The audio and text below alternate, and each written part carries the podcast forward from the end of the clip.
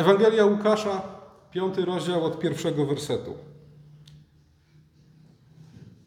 W tym fragmencie Ewangelii czytamy o tym, jak Jezus, po tym jak rozpoczął swoją publiczną działalność, po swojej pierwszej wizycie w Nazarecie, gdzie odczytawszy fragment z proroka Izajasza, przedstawił się swoim rodakom jako oczekiwany Mesjasz, po tym jak uzdrowił wielu ludzi, staje nad brzegiem jeziora Genezaret.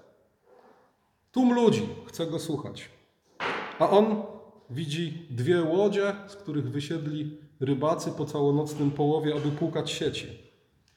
Jezus wsiada do jednej z nich, należącej do Szymona Piotra, odpływa kawałek od brzegu i poczyna uczyć, nauczać lud. A potem mówi do Szymona, do Szymona Piotra tak: wypłyń na głębie, zarzućcie sieci na połów. Prośba była niezwykła, bo zwykle łowiono ryby w nocy. Szansa na jakikolwiek połów w dzień była minimalna. A do tego Piotr mówi: Całą noc łowiliśmy i nic, ale na Twoje słowo uczynię to. I rzeczywiście połów okazał się wielki. Tak wielki, że sieci się rwały i że towarzysze z sąsiednich łodzi musieli im pomagać, żeby jakoś sobie z tym nadmiarem poradzić. Kiedy Szymon Piotr zobaczył, co się stało, zobaczył ten niespodziewany, wielki połów, mówi do Jezusa tak: Odejdź ode mnie, panie, bo jestem grzesznym człowiekiem. Zdumienie bowiem, jak czytamy, ogarnęło tych, którzy z nim byli z powodu połowu ryb, którego dokonali. A potem Jezus do Szymona Piotra mówi tak: Nie bój się, odtąd będziesz ryby łowił. Ludzi łowił, przepraszam. Potem wyciągnęli łodzie na ląd, zostawili wszystko i poszli za nim. Moi drodzy, Królestwo Boże to ludzie. Królestwo Boże przychodzi na ziemi ze względu na ludzi, dla ludzi, dla ich dobra, dla ich zbawienia. Ale też Królestwo Boże budowane jest ludzkimi rękoma. Bóg ustanawia swoje królestwo dla ludzi, bo tak naprawdę Jego królestwo jest tym, czego ludzie naprawdę potrzebują. Jego królestwo jest tą najważniejszą rzeczą, w zasadzie jedyną rzeczą, jakiej potrzebujemy. Bo jeśli apostoł Paweł w liście do Rzymian mówi, że Królestwo Boże to sprawiedliwość i pokój i radość w Duchu Świętym, to czego więcej nam potrzeba? Wiemy, że im więcej Królestwa Bożego będzie pośród nas, tym więcej naszych codziennych potrzeb będzie zaspokojonych. I dlatego Jezus mówi: Szukajcie wpierw Królestwa Bożego, a wszystko inne będzie Wam dodane. Szukajcie wpierw Królestwa Bożego, a zobaczycie, że kiedy ono nastanie, wszystkie inne wasze potrzeby będą zaspokojone. Jezus nie mówi szukajcie Królestwa Bożego, bo inne rzeczy nie mają znaczenia. Jezus wskazuje, że Królestwo Boże jest najlepszą drogą do osiągnięcia wszystkiego, czego potrzebujemy. A więc szukajcie wpierw Królestwa Bożego, a zobaczycie, co się stanie. I dlatego wśród próśb modlitwy pańskiej prośba przyjdź królestwo Twoje zajmuje tak wielkie, tak, tak ważne miejsce. Królestwo Boże jest dla ludzi.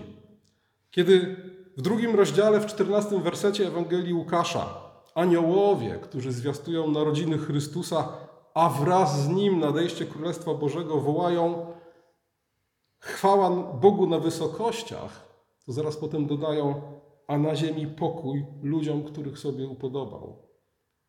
Królestwo Boże przynosi pokój ludziom, których On sobie upodobał.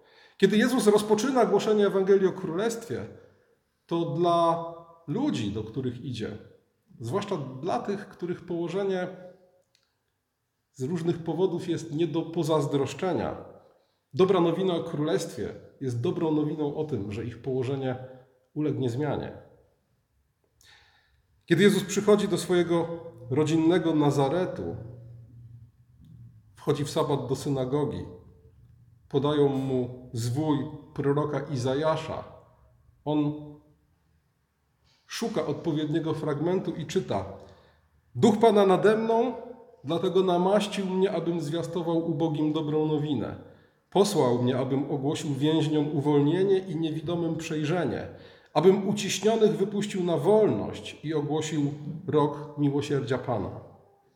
Następnie zwinął swój zwój, podał go słudze i usiadł, a wszyscy w synagodze utkwili w nim wzrok.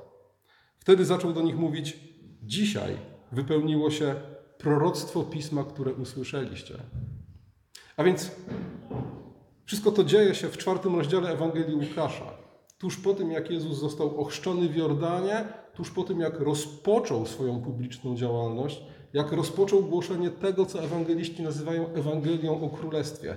I kiedy przychodzi do swojej rodzinnej miejscowości, co ma do powiedzenia swoim rodakom, jeśli chodzi o Ewangelię o Królestwie? Mówi: Królestwo to uwolnienie więźniów, to wzrok dla niewidomych, to wolność dla zniewolonych.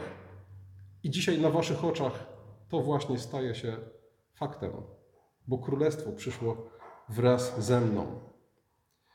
Królestwo Boże przychodzi dla ludzi, dla ich dobra, dla ich zbawienia. Przynosi ludziom uwolnienie, uzdrowienie, naprawienie krzywd. Ale wiemy, że Królestwo Boże nie tylko dla ludzi przychodzi, ono też przychodzi przez ludzi. Królestwo Boże nie spada z nieba. Bóg zaprowadza je ludzkimi rękoma. Po pierwsze, sam Chrystus jest człowiekiem, a wiemy, że to On tak naprawdę położył fundamenty pod swoje królestwo. Ale wiemy też, że Chrystus powołuje ludzi do tego, aby szli i głosili Królestwo Boże. Aby szli i Królestwo Boże budowali. A jednemu z nich, Piotrowi, powiedział nawet: Tobie dam klucze Królestwa. A więc to Królestwo Boże na ziemi nie jest czymś, co spada z nieba i co służąc ludziom pozostawałoby jednak zupełnie poza ludzką kontrolą. To właśnie ludzie Ewangelię o Królestwie głoszą, Królestwo Boże budują, a nawet, nie wdając się dzisiaj w szczegółowe rozważania, co to znaczy, otrzymują klucze do tego Królestwa.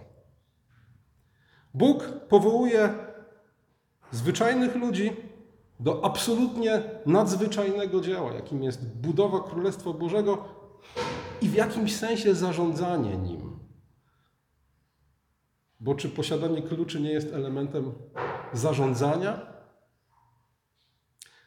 Bóg powołuje zwykłych rybaków, aby stawali się rybakami ludzi. I o tym właśnie mówi dzisiejsza Ewangelia. O powoływaniu spośród zwyczajnych ludzi, uczniów Chrystusa, którzy stają się głosicielami budowniczymi, a w jakimś sensie nawet zarządcami Królestwa Bożego na ziemi. Dzisiejsza Ewangelia mówi o powoływaniu spośród zwykłych ludzi, tych, których Bóg przeznacza do tego niezwykłego zadania. Chrystus nazywany był przez ojców Kościoła autobazilea, a więc królestwem samym w sobie. On jest pierwocinami królestwa i kiedy przyszedł na ziemię, mógł powiedzieć: Królestwo to ja, bo tak naprawdę królestwo w tym czasie oznaczało przede wszystkim osobę Jezusa Chrystusa.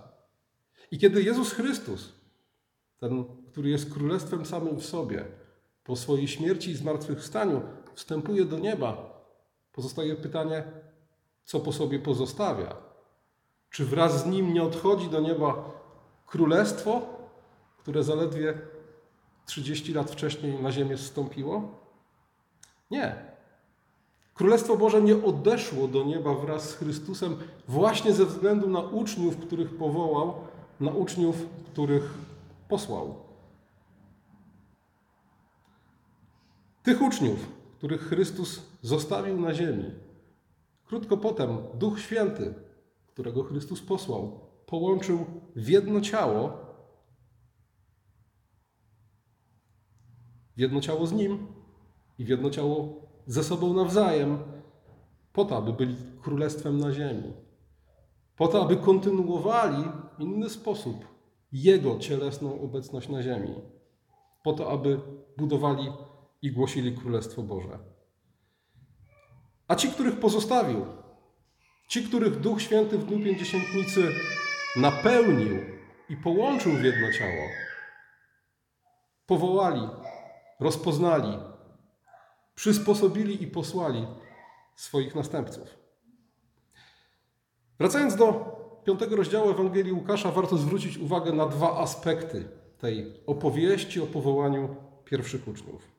Po pierwsze, z pobieżnej lektury Ewangelii można byłoby odnieść wrażenie, że to pozostawienie łodzi i pójście za Jezusem jest jakimś ultraromantycznym, jakimś zupełnie irracjonalnym posunięciem.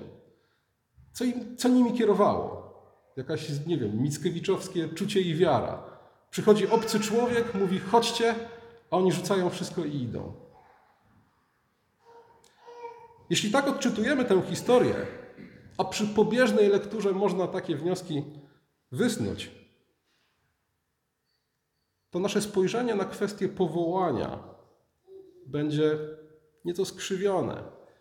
Nasze własne powołanie i pójście za Jezusem będziemy postrzegać w kategorii jakiegoś takiego właśnie mistycznego wręcz skoku w nieznane. A tymczasem było inaczej.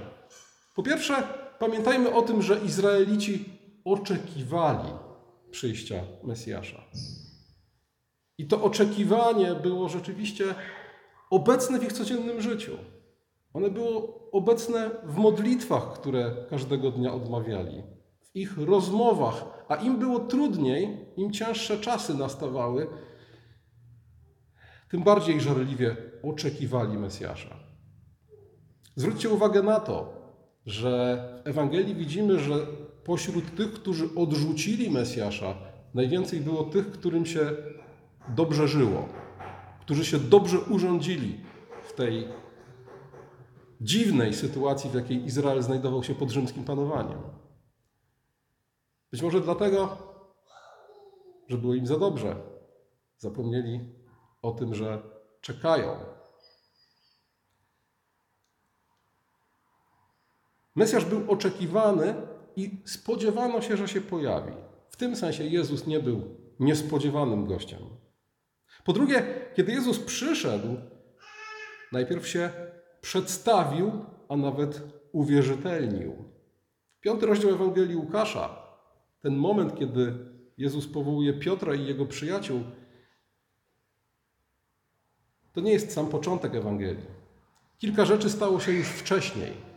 Już wcześniej miał miejsce chrzest w Jordanie, podczas którego obecni usłyszeli głos z nieba: Ten jest mój syn umiłowany, jego słuchajcie. Dalej, kiedy Jezus skierował swoje kroki do Galilei, czytaliśmy o tym, że uzdrowił wielu. Czytaliśmy też o tym, że w Nazarecie, odczytawszy fragment z proroka Izajasza, bez dwóch, bez wątpliwości żadnych, przedstawił się jako oczekiwany Mesjasz. Piotr rozpoznał w nim Mesjasza już w tym momencie. Skąd to wiemy? Kiedy Piotr widzi ten wielki połów niespodziewany, notabene kolejny cud, za pomocą którego Jezus objawia swoją moc i pokazuje tym zgromadzonym ludziom, kim naprawdę jest. Zwróćcie uwagę na reakcję Piotra. Piotr mówi do Jezusa: Panie, odejdź, bo jestem grzesznym człowiekiem. Reaguje Piotr dokładnie w taki sam sposób jak Izajasz na obecność Boga kiedy mówi: Jestem człowiekiem nieczystych warg i mieszkam pośród ludu nieczystych warg, a widziałem Boga, zginę. A więc ten moment, kiedy Piotr mówi: Panie, odejdź, bo jestem grzesznym człowiekiem, jest świadectwem dla nas, że Piotr zdał sobie sprawę z tego, kim ma, z kim ma do czynienia. A jeszcze dodatkowo z czwartego rozdziału Ewangelii Łukasza dowiadujemy się, że Jezus uzdrowił teściową Piotra. A więc to nie jest tak, że przyszedł sobie obcy człowiek, powiedział: chodźcie za mną, i oni poszli. Przyszedł długo oczekiwany Mesjasz. którego głos z nieba oznajmił Mesjaszem, który poszedł do Galilei zwiastując Ewangelię o Królestwie, uzdrawiając wielu, między innymi teściową Piotra, i który jeszcze swoją moc objawił tym niespodziewanym wielkim połowem. I oczywiście tak, pójście za Jezusem było krokiem wiary, ale nie jakimś romantycznym skokiem w nieznane, tylko krokiem prawdziwej wiary, która rodzi się ze słuchania Słowa Bożego. Która w sercu Piotra i innych urodziła się poprzez to, że najpierw słuchali Słowo o Mesjaszu, który miał nadejść, a potem w słowach i czynach Jezusa rozpoznali tego, na którego czekali. Po drugie, widząc jak uczniowie Jezusa rzucają wszystko i idą za nim. Czasami zapominamy o tym, że ten radykalny krok to nie jest koniec, tylko początek opowieści. Baśnie często kończą się frazą żyli długo i szczęśliwie. A ponieważ kończą się tą frazą, bardzo często zapominamy, że to nie jest koniec opowieści tak naprawdę. Że w tym stwierdzeniu żyli długo i szczęśliwie bardzo wiele rzeczy może się mieścić. A zatem ten moment, kiedy uczniowie idą za Jezusem, to nie jest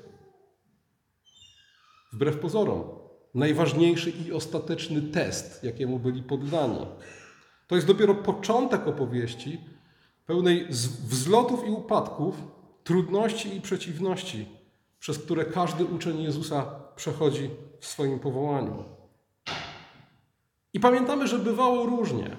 Pamiętamy, że były takie momenty, kiedy Jezus do Piotra mówi: Idź precz ode mnie, szatanie, bo nie myślisz o tym, co boskie, tylko o tym, co ludzkie. Stało się to wtedy, kiedy Piotr nie chciał przyjąć do wiadomości zapowiedzi męki i śmierci Chrystusa.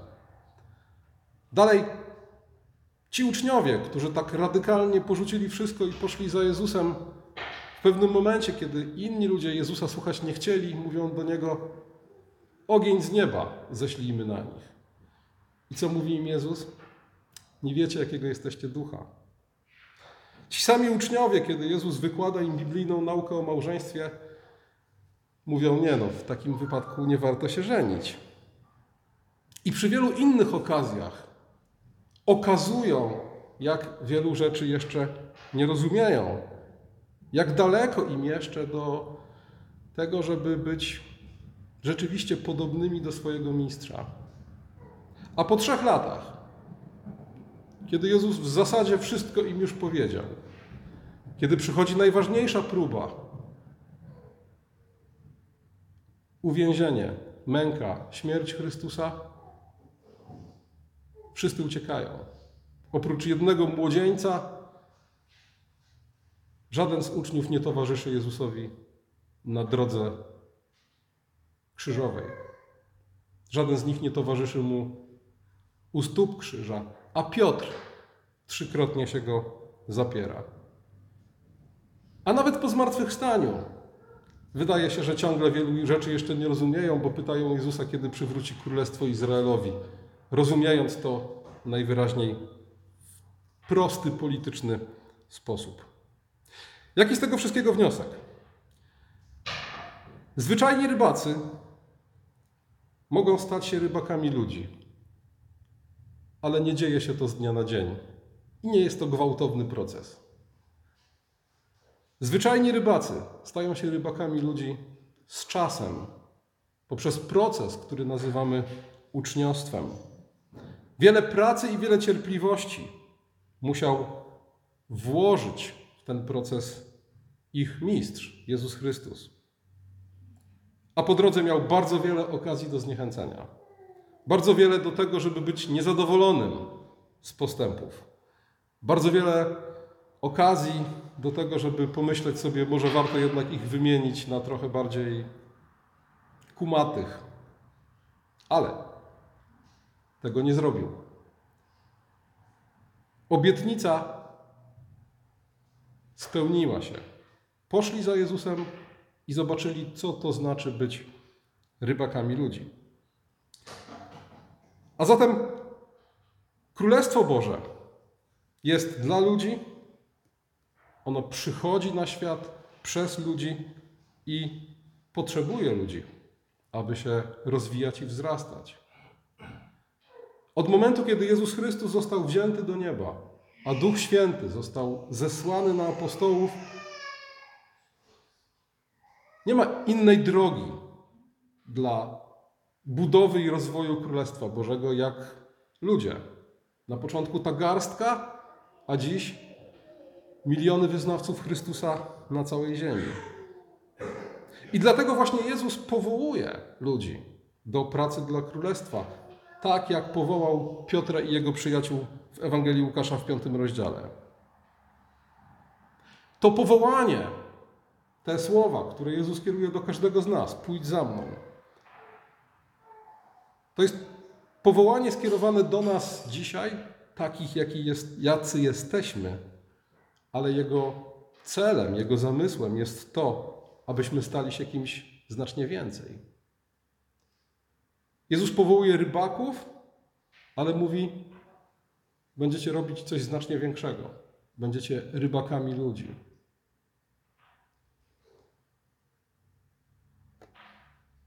Jeżeli jesteś ojcem lub matką, to być może tę historię powinieneś, powinnaś przełożyć na swoje życie w ten sposób. Przychodzi Jezus i mówi: Jesteś ojcem, uczynię cię duchowym ojcem. Jesteś ojcem powołanym do tego, aby troszczyć się o swoje dzieci. Ja dam ci ten przywilej, aby być duchowym ojcem i troszczyć się o duchowy rozwój tych, dla których będziesz nauczycielem Ewangelii. Wśród nich będą Twoje dzieci, te, dla których jesteś ojcem, w sensie jak najbardziej ludzkim, ale być może będą też wśród nich inni. Zwykli rybacy stają się rybakami ludzi przez Chrystusowe powołanie. I tak samo zwykli ojcowie stają się ojcami duchowymi. Zwykli bracia, zwykłe siostry stają się siostrami i braćmi w Chrystusie duchowymi. Myśląc o powołaniu i patrząc na powołanie Piotra i jego przyjaciół, jesteśmy też narażeni na takie dwie pułapki w myśleniu. Po pierwsze, możemy sobie pomyśleć, no, Bóg powołuje niektórych. Miał wielu uczniów, a do swojego najbliższego grona powołał dwunastu, a więc pewnie według jakiegoś nieznanego nam klucza powołuje ludzi szczególnych. Albo drugie niebezpieczeństwo. Bóg powołuje ludzi zwyczajnych, niczym się nie wyróżniających.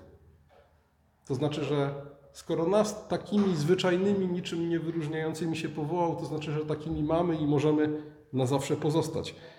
Ale zwróćcie uwagę, że nie, nie tak wygląda to w Ewangelii. Chrystus nie powołał ludzi, którzy już w punkcie wyjścia czymś by się od innych wyróżniali. Prawdopodobnie Piotr i jego przyjaciele byli dokładnie takimi samymi rybakami, jak wszyscy inni rybacy pracujący w tym czasie na jeziorze Genezaret. Ale z drugiej strony, powołując poprzez ten proces uczniostwa, stali, Bóg uczynił ich kimś zupełnie innym. I gdyby po 10 latach wrócili nad jezioro Genezaret, to ewidentnie byliby już kimś zupełnie innym niż ci spośród ich towarzyszy, przyjaciół, którzy te 10 lat nad jeziorem Genezaret spełnili. Historia ta uczy nas też, że pójście za powołaniem to co prawda jest krok wiary i krok w nieznane, ale to nie jest jakiś krok irracjonalny, mistyczny i romantyczny. Dlaczego? Bo wiemy, kto nas powołuje i wiemy, dlaczego możemy mu zaufać. Przykład Jezusa pokazuje nam też cierpliwego mistrza opornych uczniów. Bo widzimy, jak wiele Jezus musiał wysiłków ich kształcenie, ich rozwój włożyć i jak często te wysiłki wydawały się bezowocne.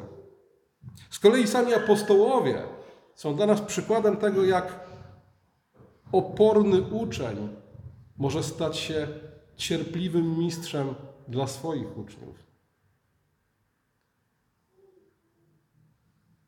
Patrzymy na apostołów dzisiaj przez pryzmat całej historii ich życia. I choć Pismo Święte daje nam w zasadzie nieco informacji o Pawle, nieco o Piotrze, trochę o Janie, pozostałych apostołów, pomijając w tych opisach, to jednak świadectwa historyczne mówią nam wprost i wyraźnie. Wszyscy, oprócz apostoła Jana, zginęli śmiercią męczeńską. Wszyscy pozostawili po sobie uczniów, którzy poszli dalej głosić Ewangelię o Chrystusie.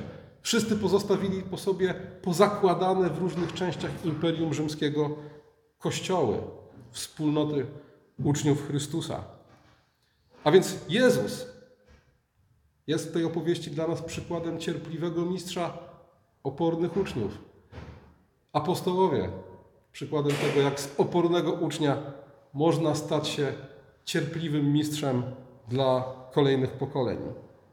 I dlatego cała ta historia niesie bardzo jasny przekaz.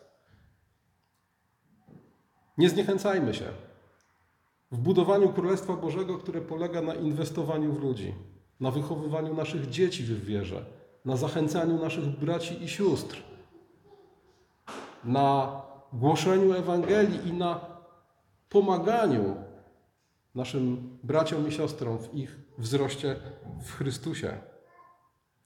Bo nie ma alternatywy. Od czasu, kiedy Jezus Chrystus wstąpił do nieba, zesłał na apostołów Ducha Świętego, Królestwo Boże jest obecne na ziemi poprzez napełniony Duchem Świętym Kościół, poprzez ciało Chrystusa. Jeśli chcielibyśmy porzucić pracę z ludźmi, to inwestowanie w ludzi, to tak naprawdę porzucamy Królestwo Boże, bo innej drogi do budowania Królestwa Bożego nie ma. Oczywiście to nie jest łatwe.